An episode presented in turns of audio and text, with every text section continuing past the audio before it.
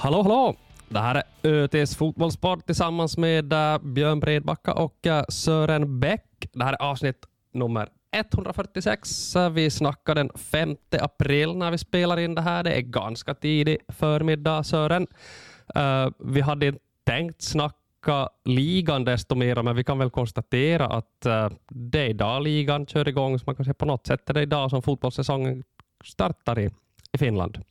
Så är det. Och det verkar bli varmare temperaturer här nu senast mot helgen och, och det här, vi ser att, att planerna är i skick. Det har varit länge i skick på Lemonsoft Arena i Vasan och de tränar utomhus i Karleby. I, i Jakobstad lär vi få vänta ett tag ännu. Så ser det väl ut. Och, och det som här, vanligt. Som vanligt, ja. Jaros hemmapremiär den 22 april, så var den spelas, ja, det lär vi få återkomma till. Centralplan känns inte sådär superaktuell uh, i dagsläget i varje fall. Men det ska vi inte prata så värst mycket om idag. Vi ska prata lite om läget i Jaro, tänker jag. Vi ska också på allvar börja värma upp faktiskt inför seriestarten i ettan också. Vi ska slå en signal till uh, ja, kanske en av de som har bäst koll av alla på division 1-fotbollen, en som har varit med länge, uh, nämligen Peter Haglund, uh, verksamhetsledaren uh, i Ekenäs IF. Honom, honom ska vi snacka med här lite senare i podden. Kolla lite vad Ekenäs har på gång. Det finns ju mycket att fundera kring, kring där. Lite vad han tror om årets serie och sådär. Uh, men vi börjar kanske i det som är det hetaste snacket kring Jaro just nu. Det vill säga vi har uh, en dryg vecka till seriestarten och uh, ja, Jaros anfallsjakt eh, den går lite trögt. Den går trögt får man väl säga. Att, eh, det var många som trodde att, att Inalien var, var, var, var den man skulle ta. Man, man hade, har ju god, goda kunskaper om Inalien sedan tidigare. Det har funnits vissa frågetecken. Eh, uh, Jara har ju inte riktigt ändå ganska motvilligt, flera olika tränare ganska motvilligt inte, inte på, på Inalien och, och det visar väl sig nog mot VPS, åtminstone den matchen, så, så höll han ju inte måttet. Och, och det var förvisso ett tufft motstånd, förmodligen då tuffare än man, ja, tuffare än man kommer till ha i division 1, men, men ändå så, så det där anfallsjakten går vidare. Inalen var inte den man sökte. Nej, så var det ju helt uppenbart. Äh, sen så har man ju också det här andra då, aktuella namnet Uh, den, den som i spalten har fått kallas för Jeremenkos striker, det vill säga Jeremenko-bekantingen som kom från, spelade HIFK förra, uh, förra uh, hösten. Gjorde ett par mål och har imponerat stort nu då i några träningsmatcher med SEIK. men här finns det ganska många, det har vi skrivit om, här finns det många hinder på vägen. Ja, jag försöker reda ut det här både med, med Steven Ward och Pekka Kultanen här igår och, och det här. Det, det verkar aningen invecklat. Jag är inte någon, jag är inte någon expert på, på, på visum och, och, och det här migration och sånt, men, men, men det verkar vara, vara en, en, en ganska mycket ja, krång, krångel med, med, med pappersexercis för, förrän man eventuellt då kan komma till skott med, med David Anuela. Och då är det ju frågan om att han komma in då här som en som en, som en professionell spelare, då ska man ha minimilön utanför EU som är på cirka 1000-3400 per månad, vilket är ganska högt, eller är högt med Jaromått mätt. Eller ska han då komma in som, och, och söka arbetstillstånd som då till exempel Karen Moses har gjort i höstas, som tar cirka sex månader förstod jag. Så, så, det här, så är säsongen förbi förrän, förrän, förrän det är avslutat. Så det, det, det, det verkar finnas byråkratiska hinder på vägen här för, för David Anienula i den mån han är tillräckligt bra. Ja, eh, och här när du pratade igår med Jaroledningen så nämndes ju att det finns två, tre namn man tittar på nu då och eh, så det ska väl sägas att nu när vi pratar om centerjakten här på, på onsdag förmiddag så här kan det hända saker i princip när som helst. Ja, jag förstod åtminstone på Pekka Kultanen sa att, att han förmodligen att, vi, att, att det, det, kan röra på sig här under dagens lopp, så, så det kan komma mera, me, mera, mera news här på mera nyheter på ot.fi redan, redan, redan senare idag.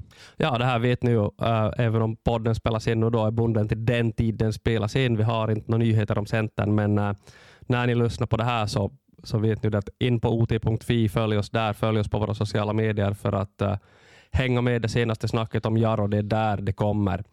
Eh, det är där ni kommer att få reda på när det händer någonting på, på den här centerfronten. Eh, eh, klart är ju också då att den här, ja, i och med att in, det var Inalien som fick chansen mot VPS då, Uh, vilket ju gör att med stor sannolikhet kommer den center, om man Jaro ens hinner plocka in en center till premiären, inte att spela en enda match med, med Jaro innan det är uh, skarpt läge. Så ser det ut. Å andra sidan, det här händer på alla nivåer i fotbollen hela tiden. Till exempel Premier League i England, världens förmodligen bästa liga, så köper man ju spelare mitt under säsongen och säsongerna börjar. Och, och det här det, det, är väl ingen stor dramatik i det tycker jag. Jag minns i Jaros ligaår så var det ofta som de så kallade profilspelarna kom i april. Uh, ligan hade just börjat eller skulle just börja och de kom in på den här så kallade sex månaders regeln ofta då och det är ett sätt att spara pengar. Så det här, det här är inget nytt och det, här, det är ingen dramatik i det att det handlar om en, en, en spelare eller kanske två, en förmodligen och dessutom en, anf en anfallare som, som det här Ehm, det är väl mera, kanske viktigare att man har kontinuitet då det gäller det här defensiva bygget kan jag tycka. Ja, det tror jag också. Jag tror du är faktiskt helt, helt rätt på det där att kommer det tillräckligt bra anfallare så ska den här inkörningstiden inte behöva vara så länge. Vi har ju exempel tycker jag i Jaros historia där var anfallare har kommit in och gjort det bra. Vi minns bara i fjol Al-Hajigero, han behövde ett par matcher så var han inne i det. Eh, jag vill minnas att Mikko Paatelainen mer eller mindre exploderade i Jaro när han kom så var det. Och det orsaken att, att El Hadjigero inte kom in, det kan, in, in i det direkt var ju att han hade varit ospelad då, ja, över ett år var det visst i alla fall, så det, det är klart att sånt, sånt syns och märks.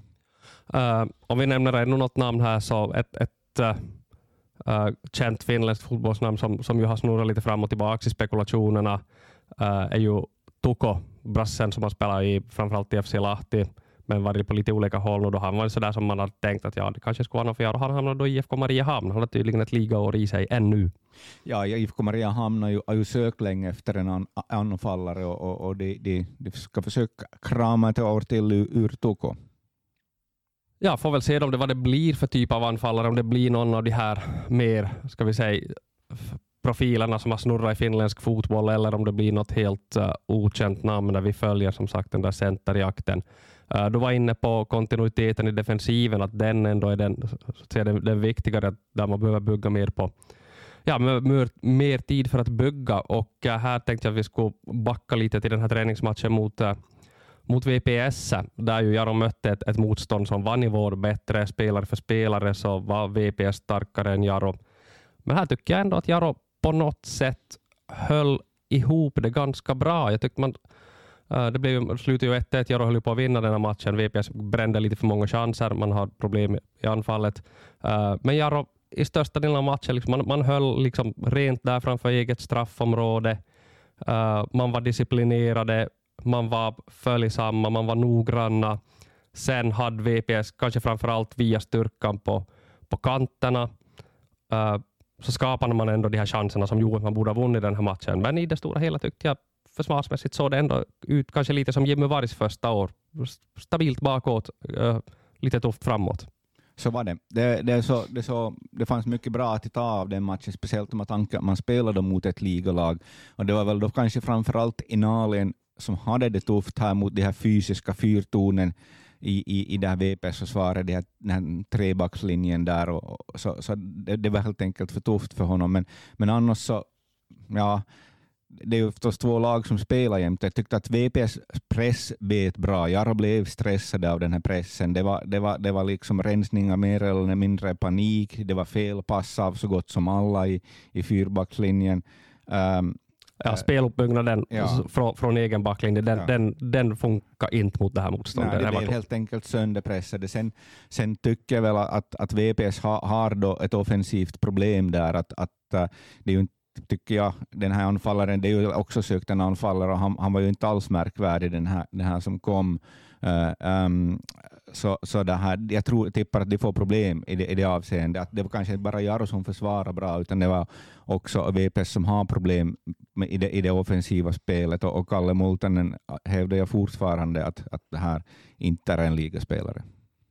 Uh, ja, här saknar ju VPS då, uh, anfallaren TT Gäng som var en, en, en riktig kärna i, i, ligan i fjol och han, han blev av, av då logiska orsaker inte kvar i VPS utan tog, tog, nästa steg i karriären. Och det här kommer nog säkert VPS att, att lida av. Jag tror ju att VPS kan klara kontraktet. Jag tycker man har en Uh, har, det, om den omtalade Bashkirov är så bra som han sägs vara så tro, tycker jag att VPS har ett bra centralt balanserande mittfält med Bashkirov och äh, Prosper som jag tyckte var klart bäst på planen. Otroligt bra spelare där på mitten för VPS.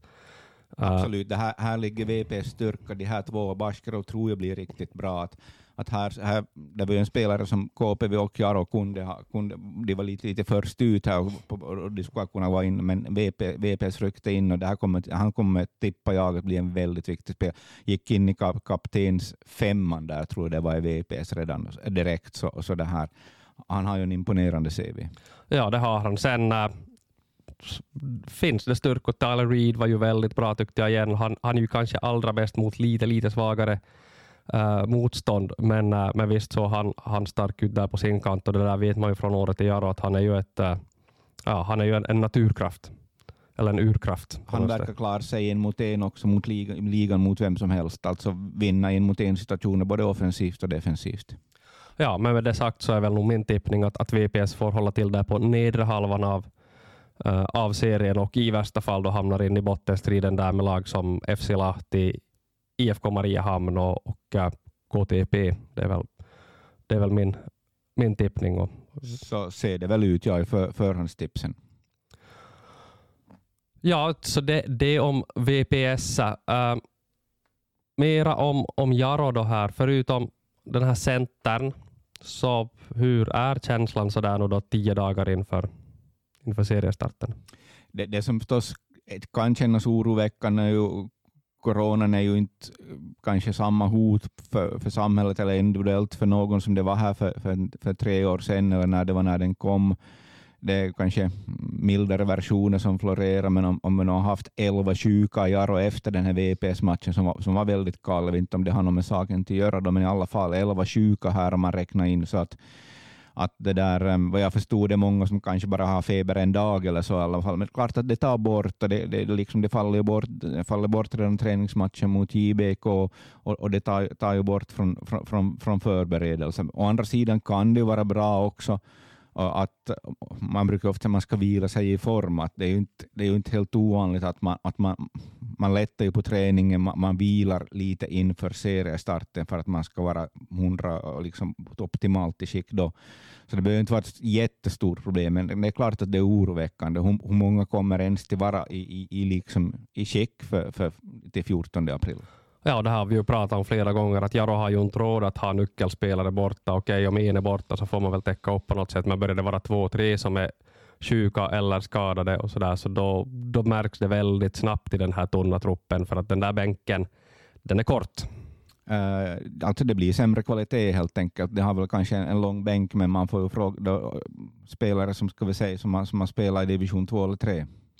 Ja, så då, då får man helt enkelt se hur, när, när de ska matchas, för det kommer ju att matchas i något skede, det får man ju räkna med, för att de här matcherna kommer ju när det är flera spelare borta uh, samtidigt. Uh, vi kan ju konstatera att Jaros premiärmotståndare SJK Akademia hade inte heller alldeles för lätt. Där är det lite blåsigt på tränarsidan. Uh, det var för tre dagar sedan så gick klubben ut och meddelade att tränaren Brian Page, som har varit där rätt länge, uh, gå på sjukledigt en längre tid utan att då ge då desto mer information.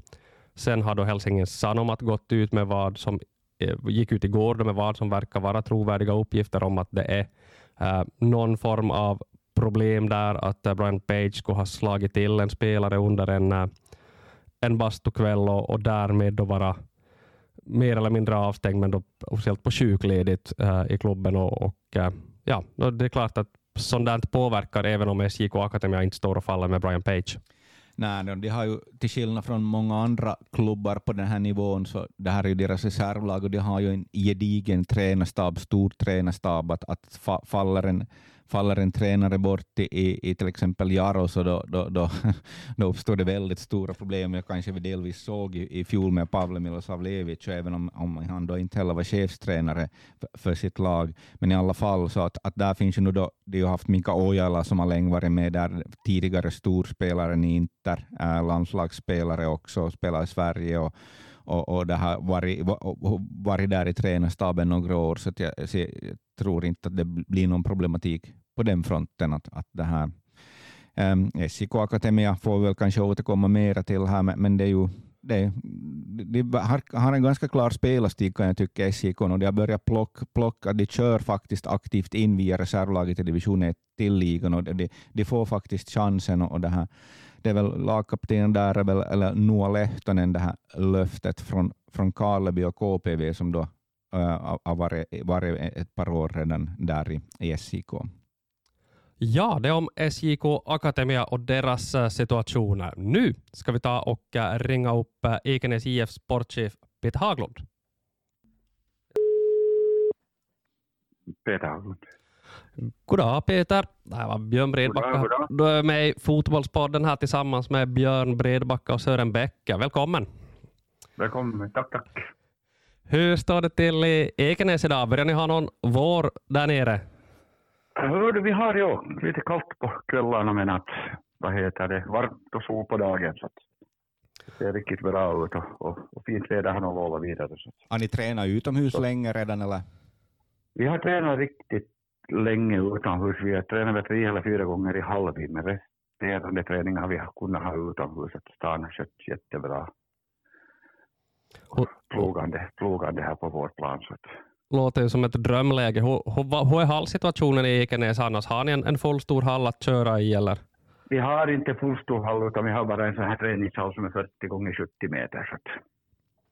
Just det, alltså det, det gör det också att man har, det är ganska bråttom ut på, på, på vårvintern där för att komma igång på allvar? Då. Ja, ja, det är riktigt, riktigt så har det varit. Och, och det har varit ett perfekt läge. Så att I fjol var det helt annat. I fjol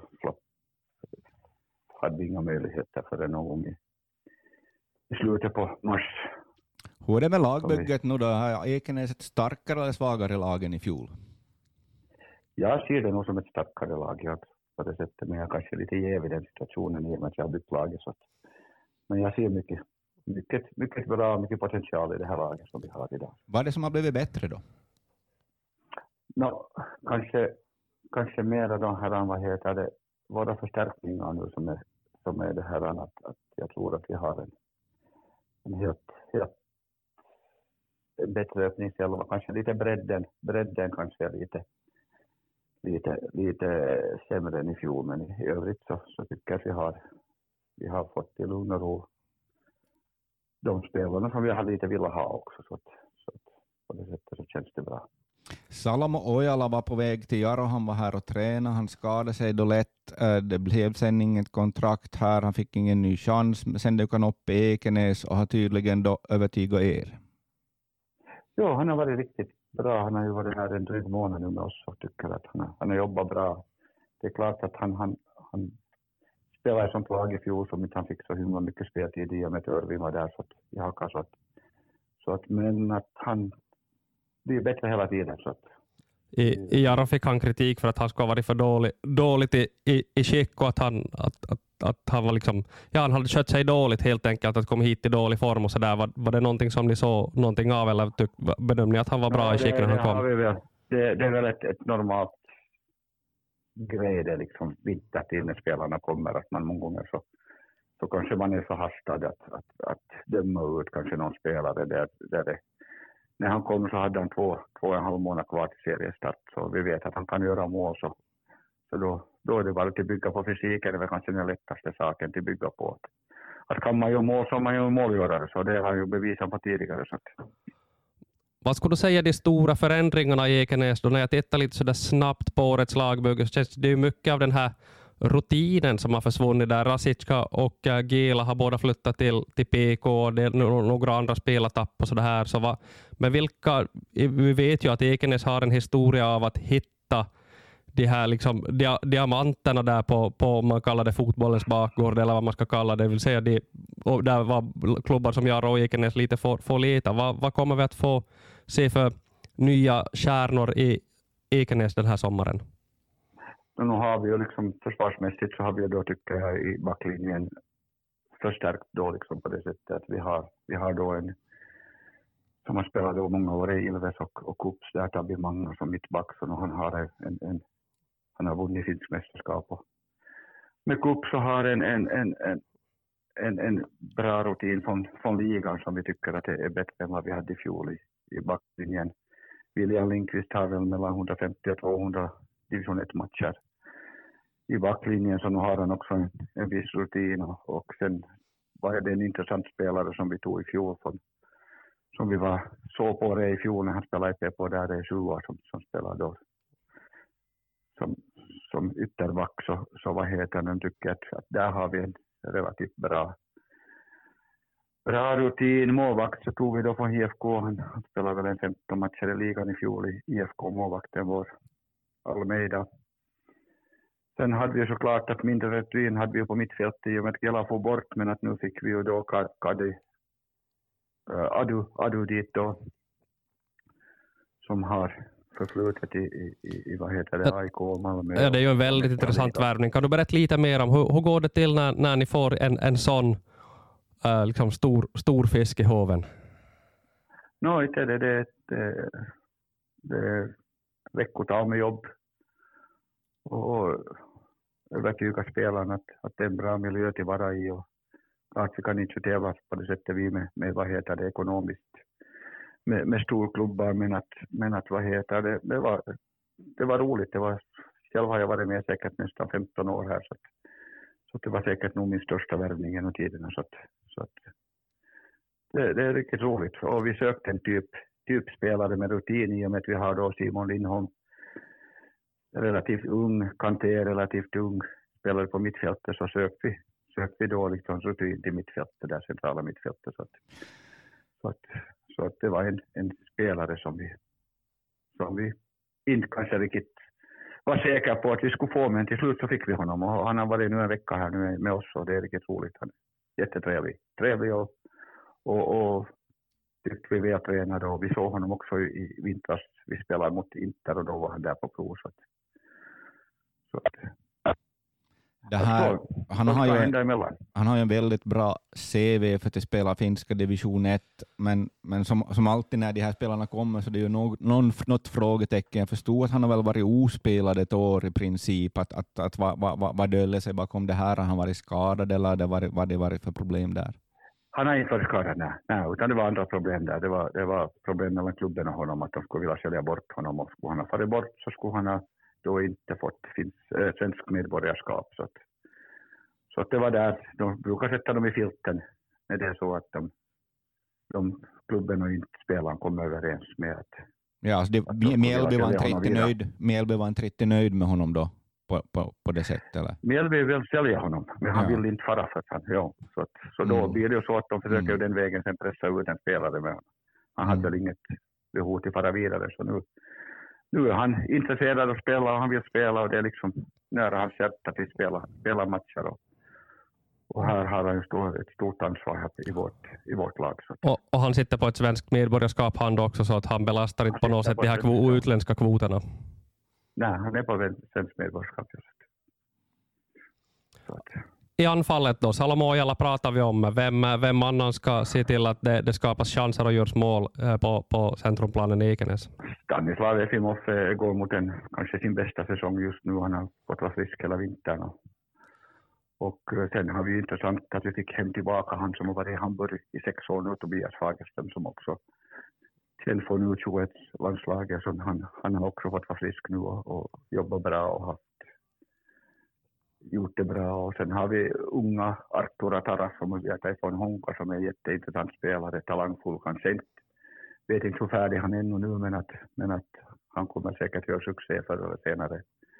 Sen har vi Ronny Pietsalo från, från Tornio som är en mycket intressant spelare också. Var, var spelade i Kokkola i fjol 20 matcher, men att han gått också framåt. Han är mycket talangfull spelare. Så att, Ja, Tobi, Tobias Fagerström nämnde, han har ju varit ett, ett, ett, ett pojk och ungdomslöfte, men jag förstår att han utför sin militärtjänstgöring i Dragsvik för tillfället. Hur, hur, ja, hur går ja. det att kombinera med, med spel i ja, vi har fått, han, han, han har det ypperligt där, så att han, han är med på alla träningar. Så, att, så han har fått ett, vi har, vi har fått det jättebra ordnat med honom. Så, att, så det är ingen, ingen nöd. Han är med hela tiden. Så att, Stanislav eh, Efimov tänkte jag nämna snabbt här också. Han var ju en av de här Ekenäs supervärvningar kan man väl säga. När han kom då 2021, det såg väl kanske lite trögare ut i fjol, men de menar att han är på väg mot någonting som mer liknar 2021 nu den här säsongen. Jag tror nog på det sättet att det, det, det, det, ser så ut. Om vi tittar på, på division 1 överlag då den här uh, säsongen, hur uh, ha, har Ekenäs lagt upp någon officiell målsättning? Nej, inte något på det sättet direkt konkret har vi kommit ut med, men det är klart att vi vill prestera och, och, och det är vårt nionde år i ettan. Vi har haft placeringar som tredje och fjärde och femte och de här senaste åren så klart att vi spelar för att vinna den där serien och sen får vi se. Inte har vi något press på oss, men att det är alltid roligt att, kunna reta sig lite med de här stora klubbarna så att, så att nu ska vi vara uppe där och, och kämpa i, i toppen har vi tänkt. Vilka, vilka andra tror du är där uppe i toppen? No, nu de här, de här liksom traditionella HIFK, HIFK TPS, Jaro, listan skulle jag nog tippa att, att det är där och, och kämpa med oss i, toppen. Är det här om Ekenäs skulle stiga till ligan, liksom, hur sto, pass stora utmaningar skulle det föra med sig? No, utmaningarna är vi nog beredda på att ta sen i så fall om det, det läge, men inte ska vi ta ut någon på förväg, utan nu spelar vi först och, och så tror jag nog att vi klarar de utmaningarna sen. Att det är någon större utmaning till fara till ligan än, än, än de övriga utmaningarna. Mm. Hur är det? Jag har förstått Ekenäs, jag minns att vi har haft något samtal här, var det i fjol eller året innan, att ni har, har, ni alls, alltså ni anställde ju nu då Jukka Karjalainen från, från Jakobstad, han, han blev anställd av Ekenäs, men är det då av, av, ja, det är av juniorföreningen? Eller, eller det är juniorsidan, ja. Det är juniorsidan som har anställt honom. Vi har första året nu, vi, så vi har en, en, en, en, en anställd, liksom i princip VD där som, som sköter liksom, löpande grejerna. Ja, så det har blivit mindre samtal åt dig då eller? Det har blivit lite mindre. Jag sköter mitt civila jobb, måste jag sköta också. Så att... Ja, alltså är det, är det som sportchef mera du, du jobbar nu? Då, då? Jag är mera sportchef jag, som jobbar nu som, som jag. Men det är klart att han är ny, ny, ny, ny på det sättet att vi kan inte hösa åt honom allt jobb med en gång utan han kommer att få liksom lite, lite delvis hela tiden till lite jobb som han, som han sysslar med. Mikael Niemi som är vår en pensionerad kille som ska då liksom sköta det här dagliga jobbet. Uh, hur blir det då med det här Jukka Karjalainen? Hur kom ni, på, kom ni in på hans namn och, och det här, ja, kom, det, kom det sig att ni ja, rekrytera honom och, och hur skulle du beskriva hans roll? No, det, vi har inte på det sättet rekryterat honom utan det är mer Niklas Busk och juniorsidan som har rekryterat honom. Och, och, och, och, han har ju blivit som en verksamhetsledare har jag förstått där på, på, på, på det, juniorsidan så att han, han sköter ju också juniorsidan så baserar ju också över vårt damlag och, och våra, vårt akademilag som spelar då i division 3. Så Men han har egentligen då inte något med det här division 1-laget att göra? Han har ingenting med division 1-laget att göra, nej. utan det är samarbete som vi bara gör. Så att, så att nu, nu, nu är vi samma, i samma byggnad och samma, samma klubbhus som vi, som vi agerar. Mm. Vad, vad är det för budgeter nu då som Ekenäs har, har uh, då måste man väl skilja på här, man ni har väl en skild budget då för division 1-laget då bara tydligen? Ja, vi har en, ja. Vi har väl där runt en, en, hela, hela vår budget så ligger väl runt 400 000. Så. Ja, för division 1-laget med alla kostnader. För, ja, division 1 med alla kostnader. Ja, så. Hur, kan du säga någonting om hur stor del av den är, är det här då, ska säga, spelar, spelarersättningar eller lönebudgeten? No, nu vågar jag exakt säga, den har vi getts ut här på det sättet, så jag, den brukar ju ligga runt 50 procent utav, utav den där hela budgeten, så brukar det ju ligga så att, men jag kan inte exakt säga nu de här siffrorna, tokigt att jag säger det här när man har säkert gett ut det just där, vår VD har gett ut det. Jag kan inte exakt på, på det här, men säkert något ligger det kanske där runt 150 200 000. Ganska som Jara med andra ord. Ja.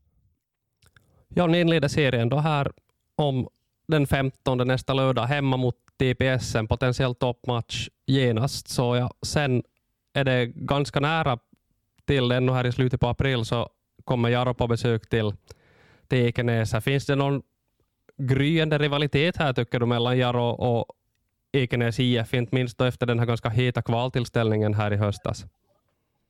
Ja, no det, det är ju, vi, vi är ju båda ett finlandssvenskt lag så, så på det sättet så är vi ju, det är ju, det är ju roligt jag har ju alltid haft lite känslor för Jaro i och med att min pappa är hemma från Jakobstad så jag har tillbringat mina somrar, somrar alla i Jakobstad som barn. Så, att, så vad heter det på det sättet så, så är det ju, har man en liten känsla då när Jaro, Jaro spelar också i ligan, men jag tror jag, nog, tror jag det är glömt det nya spelare, nya, nya matcher och sånt här. Så nu tror jag att, att den grejen så, så var, väl, var väl en sån där engångsgrej. Och så, så är det bortglömt och så går vi mot nya, nya serier, nya utmaningar. Så att inte, det, inte det är någonting som är något, vi är någonting i bakhuvudet, åtminstone från, från vår sida här.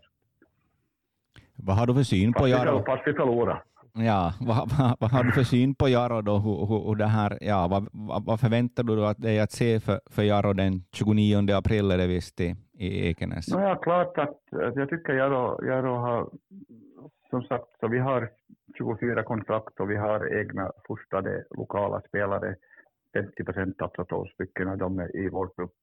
Jaro har kanske ännu större procent än 50 procent egna spelare i sin trupp och jag tycker att de har gjort ett bra jobb och, och, och, och kunna, kunna liksom bygga upp att, att man kan spela division 1 med så många egna spelare så jag tycker liksom att, att det, det är ju klart att sen har de tagit några, några förstärkningar till som tror jag att Jaro kommer att vara ett, ett starkt lag. Att, att där finns ju massor också utav egna eh, utav Jaros egna spelare som har både rutin från ligan och, och ettan, att nu tror jag att de också kämpar där i topp fyra. Så att. Är det någon speciell spelare som du tycker profilerar Jaro som, som du tänker på? Då, då, då, ja. No, ja, no, jag tänker nog på Brunell och, och, och, vad heter det då, nu kommer fick de Sotelo tillbaka och Öberg är ju en intressant spelare, han kommer nu tillbaka där i målet så de har, ger han säkert en, en viss ryggrad också där till det där. Ja, då, så nu, nu tycker jag på det sättet att det, de har ett intressant lag också och de har varit länge ihop så att så det är också en styrka, styrka att inte man hela tiden behöver byta nya lag, som vi hamnar göra lite här i vår, vår ända. Division 1, då, hur, då, du säger nio år har ni varit, om du, om du jämför med de här första åren som ni hade division 1, och nu, hur skulle du säga att, att, att, att hur har division 1 ändrat? Har det ändrat? Har det blivit starkare eller svagare och, och så vidare? Men nu har det blivit, nu har det blivit på det sättet starkare och var vi ju på det sättet på något sätt beredda då de där första tre åren tror jag vi fick ge konstgjord andning och, och skaffa spelare på hösten för att hålla oss kvar där i, i, i division 1. Att nu hade vi det jättetungt i början. Och det ser man ju nu också att största delen av de lagen som kommer från tvåan så, så faller nästan direkt ner tillbaka, tillbaka till ettan. Att nu var det ju en, en, en hård, hårda år, de där tre, fyra första åren för oss också i, i vad heter det, ettan och sen, sen nu, nu är vi ju mera kanske då vet vad det går ut på när man bygger upp ett lag, att om man vill hållas kvar där så, så, så bör man ändå ha en viss rutin och, och, och både nya och gamla spelare och, och att, att de blir ju ettan hårdare hela tiden och jämnare. I år tycker jag den är extremt jämn på det sättet att det är många lag som har satsat och ingen som man kan direkt säga så här att man kan plocka ut som förhandsfavorit. Utan, utan som jag sa där att det är säkert en, en fem, sex lag som är riktigt, har riktigt bra material och kan gå hur långt som helst. Så. Hur ser du på, på grannen här då, KPV? Tror du att, att de, de kanske delvis överpresterade i fjol? Tror du att de, de kan hålla positionerna? No, nu tror jag att KPV kommer att hållas, hållas liksom kvar med Henrik när de riktigt ett topplag. Ännu, men man vet inte, här är ju ännu två veckor, en och en halv vecka tid, så det kan hända att det kommer några förstärkningar ännu.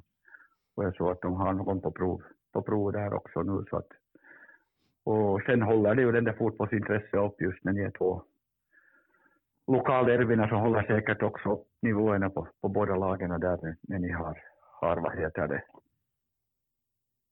hårda, tuffa matcher där mellan KPV och Jaro som, som, som säkert drar både, både intresse och publik. Och. Ja, ni hade ju Pargas i fjol, men det föll ju då. Är det, är det TPS nu där som är den, den stora matchen då, eller? No, sen kan man nog nästan kanske närmast säga Salpa där kanske som är nu närmare oss. Som har kommit, som har varit, varit då i Salo, Salo nu endast, endast 40 minuters väg från oss här. Så det, det är väl kanske vårt närmaste lag just nu som är, som säkert kommer att komma massor med publik från Salo också hit och till på den här matchen. Och hårdkamp är de spelarna där i regionen. Det finns ju väldigt många division 1-lag där i, i den där trakten. Du nämnde Salpa, vi var in på TPS, Ekenäs, vi har eh, Helsingforslagen, HIFK, Gnistan, där finns Käpa, där finns Japs och vi har åtminstone sju lag där inom en radie på ett par hundra kilometer. Hur, eh, hur, hur, hur är det med spelartillgången? Räcker det till? Ja, nu tror jag liksom på det sättet att det är, en, det är ju en hård kamp och, och då måste ju liksom, som sagt att vår spelarbudget jämfört kanske med de övriga så är, så är lite lägre och då måste vi profilera upp oss med något annat. Att, att vi har ju prövat, liksom, vi har ju det som, vi är ju mera som en liten familj här nu. Det kommer unga, unga, unga spelare hit till oss som kommer och bosätter sig här och kanske eventuellt finskspråkiga, så det är ju en, en liten utmaning att få dem direkt, direkt in, i, in i laget, att de ska kännas bra och, och, och det här. Och, och, och, vi har ju ett, ett, ett jättebra samarbete här med Rasebostad, både på finska sidan och svenska sidan, att vi har väl vi har väl fem av våra spelare som, som jobbar som skolgångsbiträden här i, i, i våra svenska och finska skolor. Så att, så att vi har ett, ett, ett sånt bra samarbete och då kommer de också kanske lite in i det här övriga än bara den här fotbollen, att de träffar också övriga människor. Och, och, vi har nog byggt mycket på det här liksom teambuilding och, och vad heter det, det här samvaron och att man kommer jättelätt in i och även fast man är finskspråkig, ni vet här i Ekenäs 80 procent svenskspråkiga, så, så är det ju viktigt att man att de också trivs.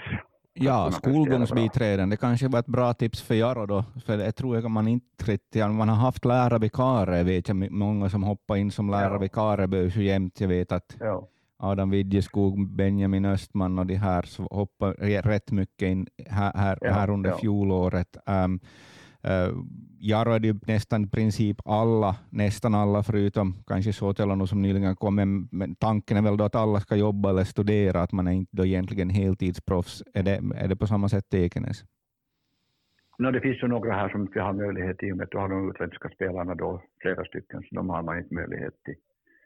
Det har i arbetslivet, men att i övrigt finska spelare här och, och, och vad heter det, lokala spelare så så tycker jag många gånger just det här att de, de får nio, nio på jobb och kommer ett eller två. Vi börjar träna klockan halv tre så att varje dag så vi har fått anpassa det på det sättet så att, så att det, det passar ihop med, med träningarna så att, att vi kan både ha dagsträningar och, och, och vad heter det, sen kan de jobba, jobba tillsammans och, och tränar vi två gånger om dagen så, så hinner de göra det här första passet före, före nio så att, så att vad heter så att vi tycker att vi, har, vi är anpassade till, till både lite, lite proffs och halvproffs.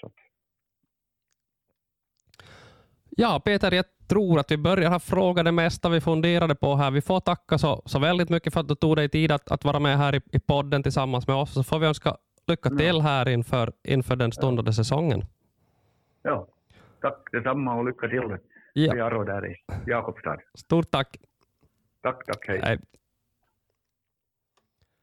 Ja, det var Peter Haglund och eh, ja, efter det här samtalet så, så känns det som att äh, Ekenäs, om det blir ett direkt topplag, kanske jag inte tippar dem som, men äh, eh, helt klart övre, övre, övre halvan igen för Ekenäs. Ja, alltså minst lika starka som i fjol ska jag väl säga spontant, att utan att vi går in på någon ranking här i det här skedet så, så ser jag att TPS och Gnistan är, är de som har satsat och de som kommer till vara det, det, flera steg före alla andra, men sen kommer väl Ekenäs på något sätt tycker jag det verkar finnas ett, ett lugn i det här Ekenäs äh, process där som man, man, man pusslar med. Man verkar ha en väldigt tydlig, tydlig strategi och det kanske låter så när laget är klarbyggt här i, uh, i, i början på april att nu, nu är det ju säkert hoppigt och, och, och, och slängigt längs med vägen där också, men, men det tycker jag det är väldigt mycket med, med Jarro på något sätt. Att här, här känns det som att det finns ett annat lugn.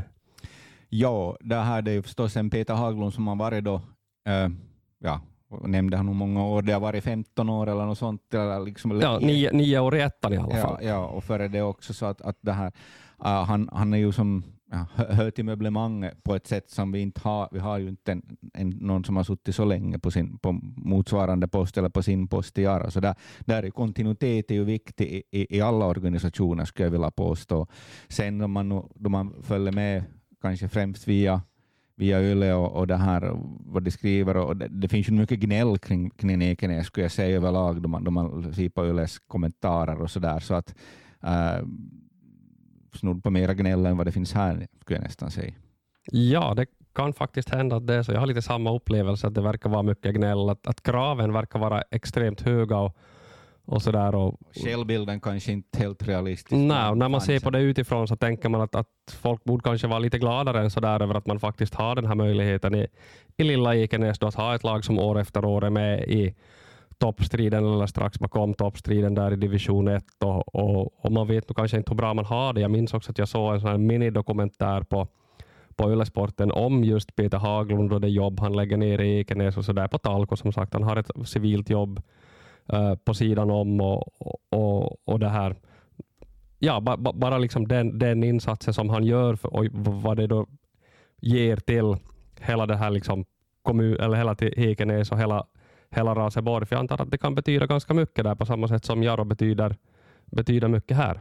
Eh, det kan man anta, ja, att, att det här, så där vi ska se Kanske vi får det här lugnet i Jaro också om vi är Pekka Kultanen 15 år som spelar koordinator, så återfinner sig lugnet i Jaro också. Ja, vi ska hoppas det, för det känns inte som att det var så jättelång första, första det här, eh, ska vi säga vinter här, utan Jaro har ju, ja, jag tyckte Steven Ward sammanfattade Jaros lagbygge ganska bra här Eh, i en text med dig när han sa att ja, de här spelarna, han nämnde väl en tre, fyra stycken, han kunde väl ha nämnt ett par till, att de mer eller mindre hade ramlat Jaro i famnen och, och, och, det är väl lite så som det känns att Jaros lagbygge har gått några år, att man har mer eller mindre med tur uh, och lyckliga omständigheter lyckats bygga upp ett lag som ändå jag tror kommer att klara en, en plats i den här övre slutserien i ettan. Får vi se då hur det går med den här centern.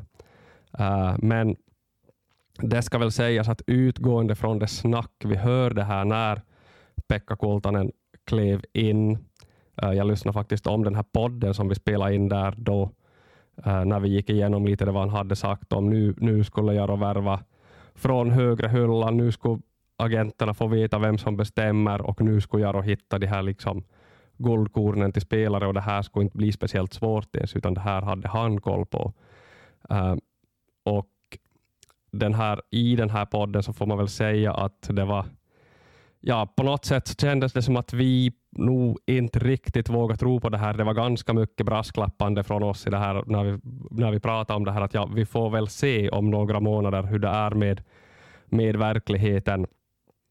Uh, för Sören, om det är någonting som du och jag har lärt oss genom åren när det gäller Jaro, så är det att om någonting verkar vara lite för bra för att vara sant, så är det nästan alltid det. Uh, och så tycker jag det har varit i det här fallet här nu då Pekka Kultanen skulle, skulle bygga ett, ett starkt Jaro, att här har man nog fått lita på, på andra saker än, än hans kontakter och hans uh, nät. Så att uh, får hoppas att det har varit en, en, en bra läroprocess det här nu då inför, inför framtiden. Ja, alltså det är som sagt kontinuitet igen, att vi, vi har Jaro en ny cheftränare, vi har en ny spelarkoordinator uh, här, så att, att det här det är ofta kanske andra och tredje året sen när, när, när man har uh, ja, man, man, man, lär sig och man utvecklas, man får nya kontakter och, och det där, så att uh, det är ofta då som man i bästa fall kan, kan börja skörda frukterna. Ja, det får vi ju, det får vi ju hoppas uh, och, och det ska ju verkligen sägas att att, att inte liksom helt hundraprocentigt få till det här lagbygget, att ha svårt att hitta centern och allt det här. Det är ju inget nytt. Nej, det menar... återkommande. Vi som har följt med Jaro, vi vet det kan, kan man ens nämna ett år när det inte varit problem att hitta centern, att man börjar söka centern först av alla. Den här tiden på året så har man som regel inte center. I värsta fall man går ju till och med hela säsonger utan center. Nu, nu sitter vi här och vi kanske får spela med Jing Myrevik som center. Eh, det finns inga, inte alls en självklarhet att vi hittar en center som är bättre än Jim Myrevik. Nej, det här är, det är ingen skam i sig att misslyckas med det här. Det här har som sagt jag har misslyckats med många gånger. Det är bara ett par säsonger sedan vi satt med McCauley, Chrysantos som, som gör oss center och vi ser stora lag ute i världen som, som sitter med, med miljoner att spendera som misslyckas med det här år efter år. Det är ett jättesvårt jobb. Så att, eh, att, att, att, att ha, ha problem med det, det är ingen skam. Det som däremot har varit problematiskt är diskrepansen mellan äh, kommunikationen och leveransen där det snackades vitt och brett om att hur, hur saker och ting skulle fixas på ett enkelt sätt och hur det sen då kanske inte riktigt gjorde det. Eh, och hur man värvade gång på gång mot vad man hade sagt att man skulle värva och så vidare. Och Det här tror jag inte är speciellt bra för trovärdigheten. Här får man tänka till inför kommande år, för den biten har inte varit bra. Nej, eh, det är ju som, ja, det är inget jantelagstänk tänk kan man ju, kan man ju, kan man ju säga. Så kan man kalla det, och, och, men, men ska man helt frångå jantelagen i sin kommunikation så då ska man leverera någonting i varje fall och inte bara plocka in liksom de som kommer hit på grund av familjeskäl eller man skulle inte ha en vänsterback och man skulle inte ha någon från fjolåret. Man tog Jarmo Satel och, och, och det här. Uh, Jeremenko fick, fick man in liksom i sista stund och när han var på, redan på glid till, till KPV och det skulle förmodligen inte ens ha har det här inträffat om inte UT skulle ha haft en normal journalistisk bevakning så skulle Jaro knappast ens ha vaknat i den här Sergej Jeremenko-frågan, äh, eh, det, som. Uh, vi har Karim Moses som ju kom in här för att han har uh, familj här och uh, vilken värvning har jag glömt nu då jag har bort... Ja, vi har Willen Alien som kom tillbaka och testade som gammal Jaro-spelare och så vidare. Vi har Salmo Ojala som skickades hem. Nu får vi se. Lyckas han i Ekenäs så är det ju inte heller speciellt uh, smickrande för Jaro-ledningen. Nej, det, det är så. Och det här, no, framförallt det här Alhad jag förstod, jag, jag, kan ju tänka mig att han är dyrare i laget, men, men jag förstod också här genast i, i oktober, om, om man ska vara alert där, där jag hade mina samtal, här, sista samtal där med Fredrik Haga, att, att, att han, han, han trivdes här, Alhad Han skulle väl kunna, liksom, kunna tänka sig att bygga, bygga en framtid här, men men där var ju Jarro lite mellan stolarna också, liksom att, att det, här, um, det var som sagt byte både på chefstränarpost och, och, och Pekka Kultanen var på väg in. Och, och det här.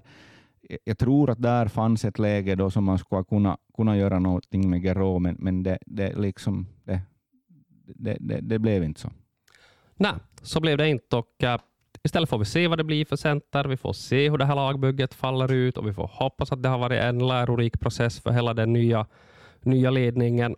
Ähm, men i det stora hela så har ju, som sagt, vad jag tror, Jaro nu då inte minst tack vare värvningen av Jeremenko och om man får till centern hyfsat i alla fall, ett lag som, som inte ska behöva hamna, i varje fall inte i någon bottenstrid och förhoppningsvis då kunna ta en plats i övre slutserien. Ja, som sagt, ettan, ettan är tuff och det kan bli tufft kring det här, men, men nu, nu faller jag väl någonstans där, där också i, i, i, eh, att, eh, att eh, vi nämnde tre lag och sen börjar man, precis som Peter Haglund här, så, så börjar man stoppla, stoppla över, över Jaro. Ja, ungefär, ungefär så. Uh, vi kommer att göra den klassiska division 1-rankingen här. Den kommer nästa vecka. Då vet vi mera. Då har vi förhoppningsvis löst centerfrågan i Jaro och vi har hunnit Eh, uh, hunnit checka upp de övriga lagen ännu bättre och då ska ni få både min och Sörens ranking för division 1 2023. Men det blir nästa vecka.